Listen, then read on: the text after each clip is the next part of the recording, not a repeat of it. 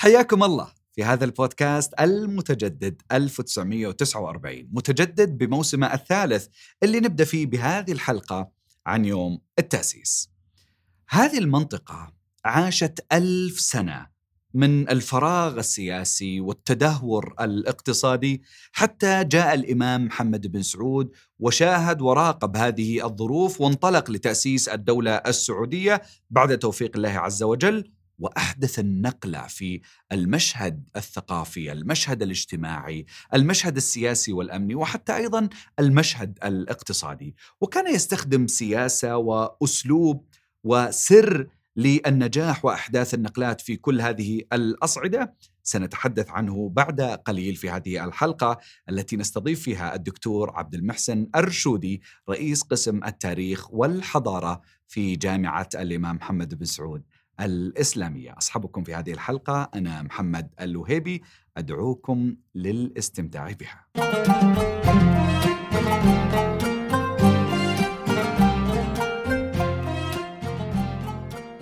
يا هلا وسهلا حياك الله دكتور. الله يحييكم. يا هلا والله مرحبا وشكرا لكم على هذه الاستضافة. شاكر لكم ومقدر الله يخليك. أنت مكان عملك ودوامك. دائما يذكرك بقصة التأسيس. أنت تعمل أستاذ تاريخ في جامعة الإمام محمد بن سعود. متخصص في التاريخ السعودي. نعم.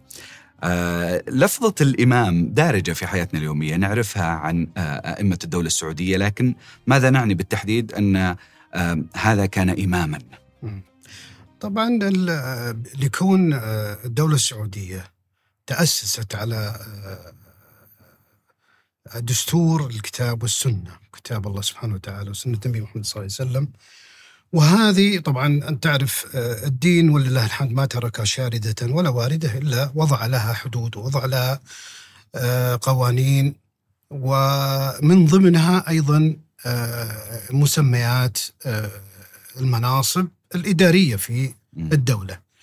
فطبعا يختلف السلطان والخليفة وكذلك أيضا الأمير فهذه لها أحكام ولها أيضا وردت في أحاديث النبي صلى الله عليه وسلم وسنة النبي سنة النبي صلى الله عليه وسلم ومن ضمنها الإمامة. فالإمامة في الإسلام يعني لما نقول الإمام هي لم تخرج عبثا وإنما خرجت من تأصيل في ديننا الحنيف. فالإمام هو إمام المسلمين ويحكمهم ودائما لها اعتبارات وحيثيات. حينما تتوفر في القائد يطلق عليه إمام. مو بكل أي واحد يطلق عليه إمام. فالإمام هو الذي طبعا يكون على مستوى من الدين من التدين والعلم وقيادة الجيش والصلاة بالناس. صلاة الجماعة والجمعة أيضا.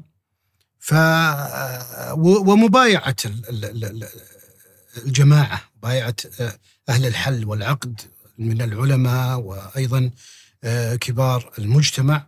فإذا بويع بهذه الصورة أصبح أو يطلق عليه إمام. نعم.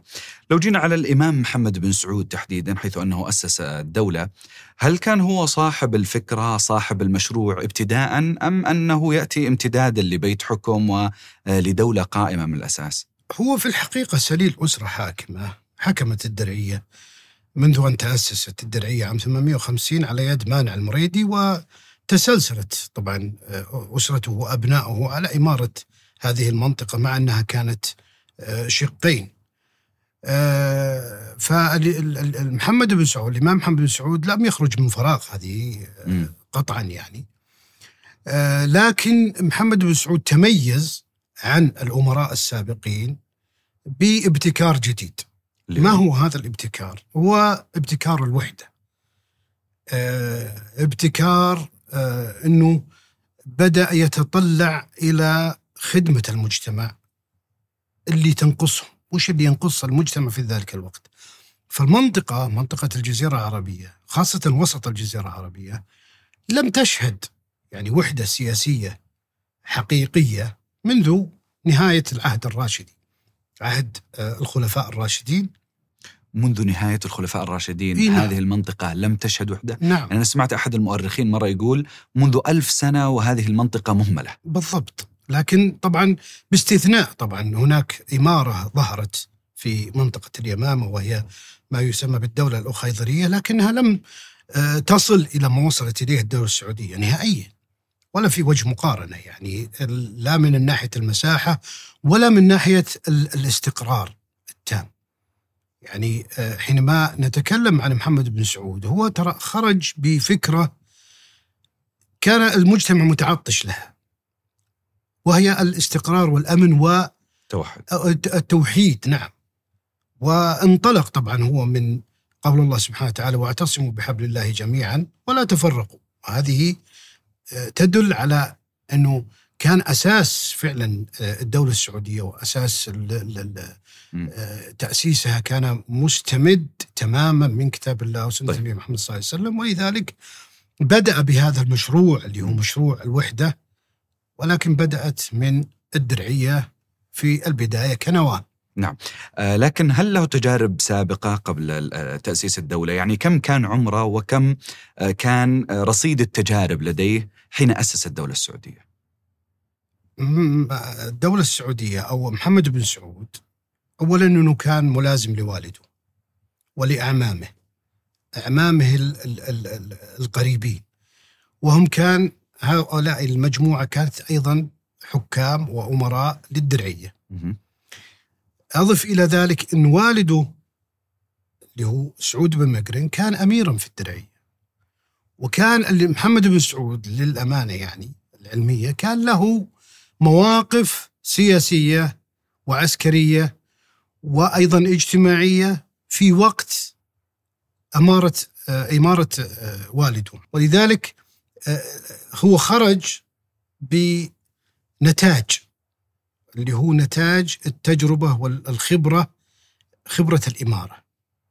فهو لما بدأ بدأ بخبرة وأساس كانت يعني آه، خلال هالعمر هذا لأنه تولى الإمارة وعمره بالأربعين. ما هو بصغير. لذلك كان لديه تجارب لديه آه، أحداث صقلته لبناء آه، ال ال ال الإمارة أو بناء الدولة التي جميل. أصبحت فيما بعد آه، آه، يعني تتسع من لأغلب مناطق الجزيرة العربية نعم وكم المدة اللي قضاها في عملية التأسيس يعني هل أخذت معه الوقت الكثير؟ هو في البداية طبعا الإمارة عام 1139 ثم بدأ بتوحيد الدرعية. وهذه من حسن قيادته وحسن أيضا آه، إدارته. آه، ولذلك آه، أصبحت الدرعية واحدة. بعد ذلك انطلق إلى خارج الدرعية. ليه لماذا انطلق؟ لأنه وضع يعني معيار التجربة التي وضعها في الدرعية على مستوى أكبر. وهي مستوى نجد.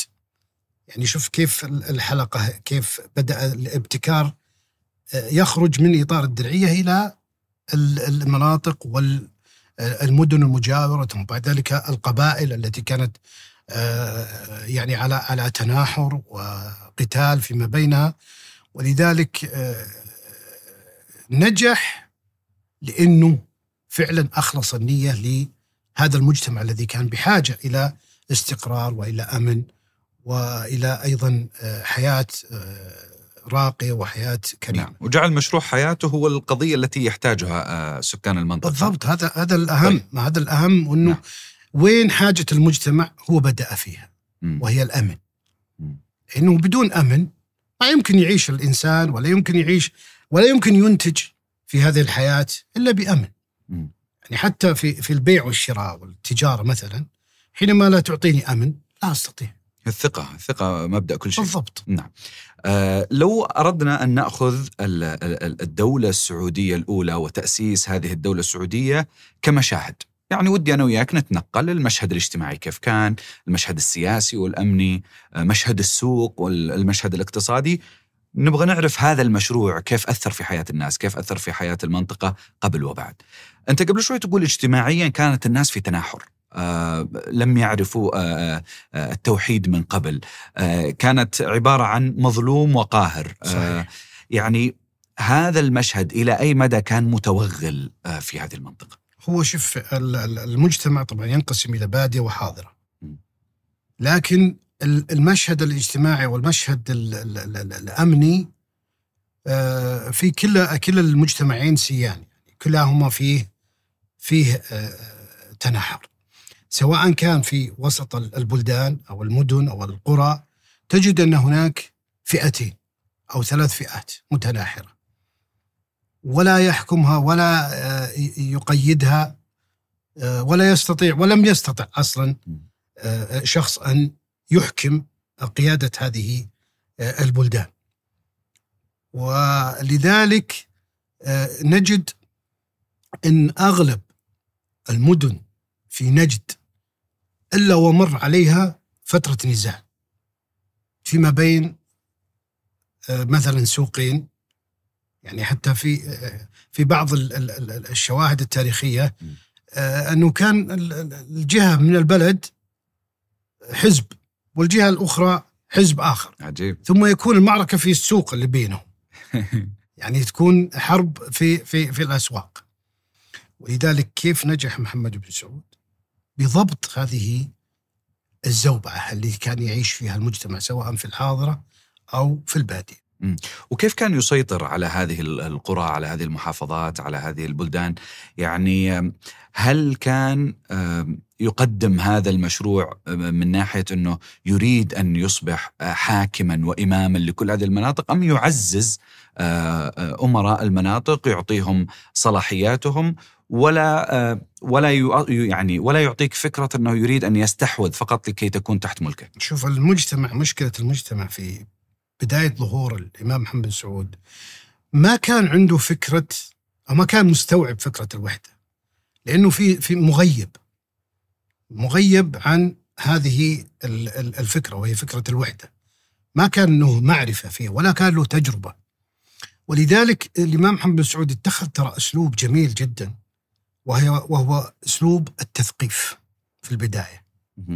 تثقيف الزعماء القبائل سواء زعماء القبائل أمراء البلدان برسائل ترسل لهم تشرح لهم إيش المطلوب إيش إحنا نسعى له نسعى إلى وحده لكن بعض ال- ال- ال- الفئات أو بعض ال- القبائل أو بعض المناطق إما أنه يكون ما ما هو مستوعب ما يصل ذهنه إلى هذه الوحدة والفكرة التي لدى محمد بن سعود ورجاله أو إنه يكون آه، آه، لديه مصلحة آه، مستمرة باستمرار هذه الفوضى. وهذه إشكالية كبيرة ولذلك هذا الذي وجب يعني قتاله وجب أيضا إيقافه لكن هل في مناطق مثلا انضوت تحت لواء الدولة السعودية الأولى بدون حروب؟ بلا شك كثير. وهذا متى تأتى؟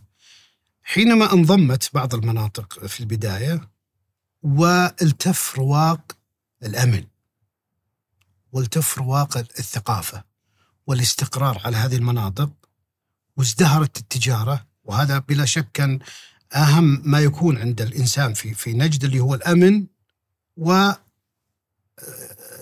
لقمة العيش. فحينما يكون هناك أمن توفر لقمة العيش. فالمناطق الثانية مثلا أو مدن أو حتى آه، قبائل لما تشوف ال- ال- ال- الأمن والاستقرار ولقمة العيش توفرت في هذه المناطق جاءت تقدم الولاء والتبعية. جاءت تخطب ود الإمام محمد بن سعود ولا أيضا من بعده الإمام آه، عبد العزيز بن محمد. للانضمام في هذا الرواق الذي التف عليهم مم. فما ما في شك إنه كان فيه آه، تبعية أو كان فيه انضمام آه، طوعي. طيب وكيف كانت العلاقة؟ علاقة الدولة اللي جالسة تكبر تتوسع مع جيرانها مع آه، البلدان التي لم تنضم إلى هذه الدولة. كيف كانت السياسة الخارجية في ذاك الوقت؟ ضرب لنا الإمام محمد بن سعود أكبر مثال لهذا لسؤالك. مثال جميل جدا. وملهم ما هو هذا المثال حينما قام بتوحيد شقي الدرعيه وانضم أو, أو التأم ال- ال- ال- ال- ال- ال- ال- المجتمع بدأ يفكر بجيرانه مثل العيينة الرياض وغيرها ولذلك بالرغم من انها لم تكن تابعه له في بدايه طبعا آه، إلا أنه أمد هذه البلدان بماذا؟ بقوات من عنده لأمراء هذه البلدان من أجل أن تستقر أمورهم ومن أجل محاربة الثورة في داخل بلدانهم. مع أنه ما ما في ما في إمارة ولا في سلطة آه، له عليهم. لكن هذه تبين لنا مدى الفكرة التي قام بها محمد بن سعود وهي أنه إيش؟ إنها. تستقر البلدان حتى وإن كانوا من جيرانه، فهو أمد العيينة، أمد الرياض آه، بقوات من أجل أن تستقر بلدانهم. وهذا النهج في الحكم السعودي حتى اليوم نعم حتى اليوم لله الحمد يعني إلى عهد آه، خادم الحرمين الشريفين الله يحفظه يعني البلدان اللي حولنا نمدهم من أجل أن يستقرون م. وهذه دليل على أنه آه، حكام الدولة السعودية من الامام محمد السعودي إلى يومنا الحاضر والله الحمد وهم رافعين رأية السلام ودائما ينهجون منهج السلم وسواء كان في بلدهم أو في آه، البلدان أو الأقطار المجاورة. جميل واضح على كلامك دكتور آه، أنا أبغى أسأل عن الأمية هل كانت هذه المنطقة تواجه الأمية؟ هل كانت الأمية منتشرة؟ آه، ضعف المستوى الثقافي آه، ضعف الاطلاع على الظروف الخارجية هل كنا نواجه أمية هنا؟ والله بشكل عام يعني نجد آه، كانت مهملة طبعا من آه، القوى الإسلامية التي تعاقبت على آه، قيادة العالم الإسلامي لكنها لم تخلو من وجود العلماء. الذين يطلبون العلم سواء في آه، مكة في المدينة في آه، الأقطار العربية المجاورة وكان لهم بصمات آه، وكان لهم أيضا دور آه، آه، في العلم لكن يبقى في المجمل إن المجتمع كان يحتاج إلى من ينتشل من هذه الأمية ومن هذه ال- ال- ال- آه، الضحالة في نعم. في, في العلم العلم العلم والثقافة في الدرعية م. آه، هل كانت قبلة آه، للمتعلمين للدارسين؟ في عهد الإمام محمد سعود نعم مم. لأنه آه، من ضمن يعني آه، الملاحظات الجميلة أو اللفتات الجميلة التي برزت في شخصية الإمام محمد بن سعود تشجيعه لطلاب العلم وأيضا اهتمامه في طلاب العلم حتى أنه بدأ يعني لا سواء في عهد الإمام بن سعود ولا عهد الإمام عبد العزيز كان يوضع جوائز. حتى لطلاب ال- الكتاتيب الذين يدرسون على تعرفون الكتاتيب. اللي هم الدراسة الم- البدائية زي المرحلة الابتدائية والمتوسطه هذه ما كانت معروفة في في في نجد نهائيا فما بالك في الدروس العلمية الكبرى التي تعقد في المجا في المدا في المساجد على يد ال- العلماء الكبار فالعلم حينما يتظلل ال- الحكم يبرز وينمو لذلك كيف أصبحت الدرعية منارة علمية؟ أصبحت منارة علمية كبيرة جدا. أصبح ال ال ال الناس يعني تخيل إنه كان في ناس تهاجر تهاجر وتسكن في الدرعية من أجل من أجل الثقافة والعلم.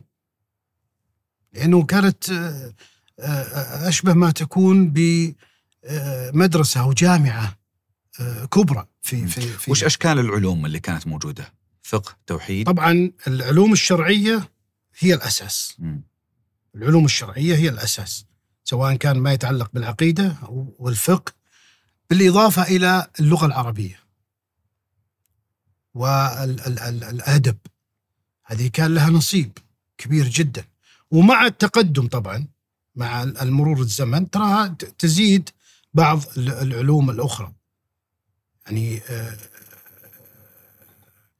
لو نظرنا إلى إلى إلى إلى بعض العلماء كان يأتي بكتب أنا أذكر في في أحد الرحالة. آه، ذكر إنه حتى كتب ال- ال- الفلاسفة وكتب الفلسفة كانت موجودة في بعض مكتبات أهل نجد في عهد الدولة. السعودية إي نعم الدولة السعودية الثانية وهذا ورد في التاريخ يعني. نعم يعني أنا ما أقول لك إنها تدرس لكنها يكفي إنها عليها. كانت يوجد مكتبات في بعض آه، آه، يعني سكان نجد آه، فيها مختلف مشارب العلوم وخاصة من الذين يرتادون الأقطار العربية الأخرى مثلا اللي يسافرون مثلا العراق للشام لمصر. يأتون بهذه ال- ال- الكتب وكيف كان دور المرأة؟ هل كانت المرأة حاضرة في في في مثل هذه الدروس؟ هل كانت تحضر هذه الدروس؟ أولا دور المرأة برز منذ آه، بداية تأسيس الدولة آه، أضف إلى ذلك أنه كان هناك دروس مخصصة في المس في المسجد ودائما توضع يعني ربما أني بدخل في آه، بعض العادات والتقاليد اللي كان أهل نجد. كان أهل نجد آه، آه، وجبة العشاء بالنهار. شلون؟ يعني آخر العصر. ما ما فيه أنوار ولا فيه إيه. كذا. فدائما المرأة تكون جاهزة مجهزه لوجبة العشاء في نهاية العصر. مسيان. مسيان. لأن الناس في ذلك الوقت ما حد ما في أحد ينام بعد صلاة الفجر. نهائيا. ما أحد ينام إلا واحد إما أن يكون مقعد أو مثلا كبير سن آه، وهرم ولا الباقي كلهم بعد صلاة الفجر كلهم يسعون. المزارع في مزرعته وال- والبائع والشاري في السوق وهكذا. ثم يأتي بعد صلاة الظهر مباشرة في قيلولة. في. قيلولة. آه، قبل صلاة الظهر آسف. اللي هي فترة الضحى. اللي هي اليوم ممكن نقول عشر ونص إلى 11 ثم بعد ذلك بعد صلاة الظهر يأتي يوم جديد. يوم جديد لهؤلاء ال- ال- السكان. يبدأون في عمل جديد لكنه أخف من الصباح. لذلك تجد أنه ما فيه إلا وجبة واحدة. طبعا في وجبة الظهر هذه وجبة بسيطة من التمور أو قرص بسيط أو كذا يسمونها يسمونها هجور ويسمونها مثلا غدا أو كذا لا. لكن العشاء فترته متى؟ قبل المغرب.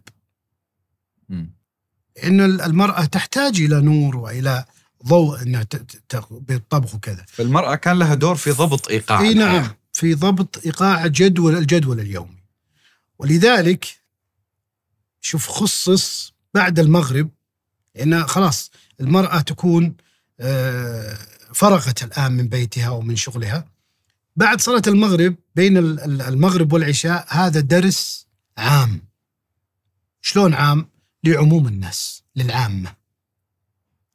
نساء ورجال ليش؟ لأنه فترة مثل ما يقول وقت الناس فيه ما, فيه لا أعمال ولا فيه نوم لأنه باقي صلاة العشاء. ولذلك انتهز آه، علماء الدرعية هذه الفرصة آه، إنهم يضعون هذا الوقت لتثقيف المجتمع آه، ال- العامل اللي دائما يشتغلون مثلا. ما هو اللي اللي متفرغين للعلم. خلى المتفرغين للعلم تجدهم من الصباح في المسجد وكذا. لكن هذه الفترة دائما ما يحضرها منهم غالبا تحضرها النساء.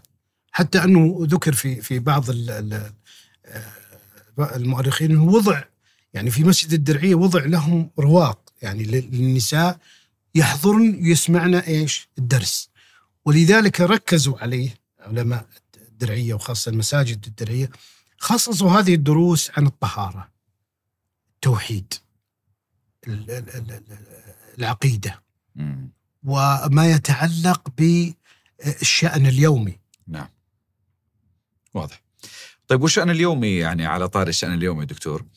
آه لو انتقلنا للسوق كيف كان حضورهم في السوق؟ كيف كان حضور الأسواق أصلا في حياة الناس؟ هل كانوا يعتمدون عليها؟ هل كانت فيها ملتقيات؟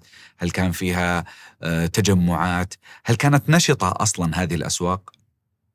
سؤال جميل. هذا ال- السوق لو أقول لك أنه إلى عهد قريب كان هو مصدر الأخبار. مم. كأنك فاتح التلفزيون من أجل أن تأخذ الأخبار. ما هو فقط للبيع والشراء. ال- السوق فيه يعني ترى ينزل السوق آه، رجال ما هو لحاجة البيع والشراء مو بلازم يبيع ويشتري. من أجل ال- ال- الالتقاء بالأشخاص الآخرين. فتجد في السوق البيع الشراء. ال- ال- الأخبار من جميع أقطار العالم. لو أقول لك العالم تقول لي ممكن مبالغ لا. يأتي من لأن السوق يلتقي فيه التجار اللي جو من اللي يجون من المناطق من القصيم من حائل من الشمال من آه، عسير من آه، الأحساء هذه على نطاق إيش؟ إقليمي أو النطاق ال- ال- داخل الجزيرة العربية. يأتي منهم اللي مسافرين برا. فتجد فيه زي البورصة. في السوق زي البورصة. أخبار زي الشاشة حقت البورصة. إيه. يعطيك مثلا إسعار الإبل في فلسطين في آه، دمشق في آه، العراق يعطيك إسعار التمور هناك يعطيك إسعار السمن منين جت؟ منها. التجار اللي يجون فتجد في تجمعات في السوق كانت مصدر أخبارهم مصدر يعني بدل ما يفتح ال- ال- ال- الصحيفة والجريدة إحنا نسميها إنه يقرأ كانت حضورية يجدها في السوق. يجدها في السوق وش أشهر الأسواق الموجودة؟ طبعا سوق الدرعية كان يعني وصفه آه، ابن بشر وصف دقيق جدا رحمه الله يعني آه، ذكر إنه الشخص اللي جنبك ما يمكن تسمعه أو تسمع كلامه من كثرة آه، النجناج.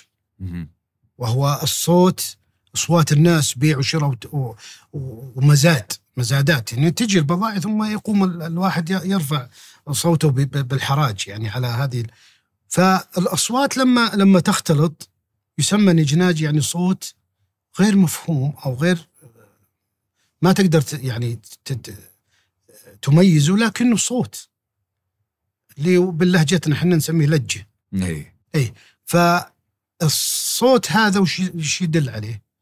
يدل على تنوع البضائع كثرة ال- ال- الباعة كثرة المشترين كذا. آه، حتى في في في في في مناطق أخرى. يعني آه، حتى في في منطقة القصيم مثلا في حائل آه، ازدهرت الأسواق. وكان فيه عدة شواهد لبعض الرحالة ال- ال- الأجانب أنه يقول حتى ما تقدر تسمع اللي بجانبك من صوت مطارق الناس أو مطارق الص- الصناع الحرفيين الحرفيين مثلا آه. يعني آه، هذه حينما تزدهر أيضا الصناعة تجد إنها انعكاس. إيه. إلى جوانب أخرى إن- انعكاس إلى الجانب الاقتصادي فما كانت الناس تعيش على حد الكفاف على التمر والماء وغيرها بل كان في حياة اقتصادية كان في أثرياء كان في ناس يعني ميسوري الحال والله آه، في وقت يعني كان آه، لما ازدهرت التجارة وبلغ الأمن مبلغه مبلغه في في عهد لا سواء في عهد الدولة السعودية الأولى ولا في عهد الدولة السعودية الثانية ولا في عهد الملك عبد العزيز رحمه الله. لما كان الناس ينتقلون يعني على الإبل كانت بضائع أوروبا توجد في نجد. تخيل. معقولة؟ نعم. وهذه شاهد وأنا أ- أ- أقدر أو أ- أقف أنا وياك عليها. مم. ليه جت؟ لأنه التجار يأتون ببضائع من مصر من الشام من كذا والبضائع اللي هناك تأتي من من أوروبا أيضا. فكانت أيضا هذه ميزه ميزة أو يقول وش السر؟ هو سر الأمن. لأنه لو ما في أمن ما استطاع التاجر إنه يجيب البضاعة من الشام يجيبها للدرعيه ولا يجيبها للقصيم ولا يجيبها للاحساء ولا يجيبها لأبها ولا يجيبها مثلا مكة ولا مثلا يجيب بضاعة اليمن إلى مكة وإلى وإلى وسط نجد. وهذا بلا شك إنه كان أعطني أمن أعطيك إنتاج. يمكن اليوم إحنا أكثر كلمة تتردد في المخيال السعودي على قولتهم آه الحمد لله من وامان الله لا يغير علينا، لكن اللي عاش النعمة ينسى وش كان عليه الحال قبل، فأنت من كلامك دكتور قبل شوي تقول إنه ال- ال- البلدان والقرى المجاورة كانت تنضم لأنها شافت الأمن، شافت الثقة، السوق ازدهر لأنه شاف الأمن في هذه الدولة، آه سياسيا العلاقات السياسية مع البلدان المجاورة آه انتعشت واستقرت لأنها شافت الأمن، فكل يعني نواحي الحياة آه، كانت شايفة الأمن. لكن ودي أنا تعطيني قصة. ودنا نختم فيها هذه الحلقة.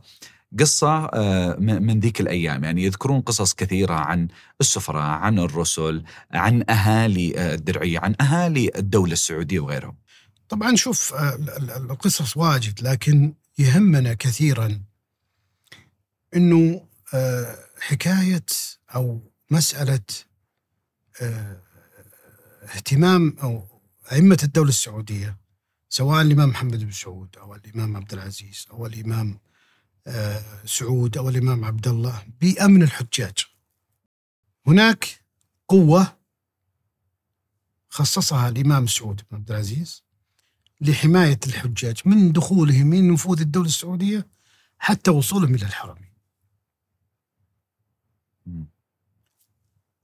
فضلا عن إن ففي عهد الإمام محمد بن سعود وفي عهد الإمام عبد العزيز كان أيضا الحاج له حرمته له تقديره له احترامه وله أيضا مسؤوليته أمام أمام هذا الإمام ولذلك تجد إنه حماية قوافل الحجاج بالذات بالإضافة إلى القوافل الأخرى كانت من يعني آه، ضمن اهتمامات أئمة الدولة السعودية. شكرا جزيلا لك دكتور عبد المحسن. سعدنا بوجودك معنا. الله يطول عمرك. شكرا لكم.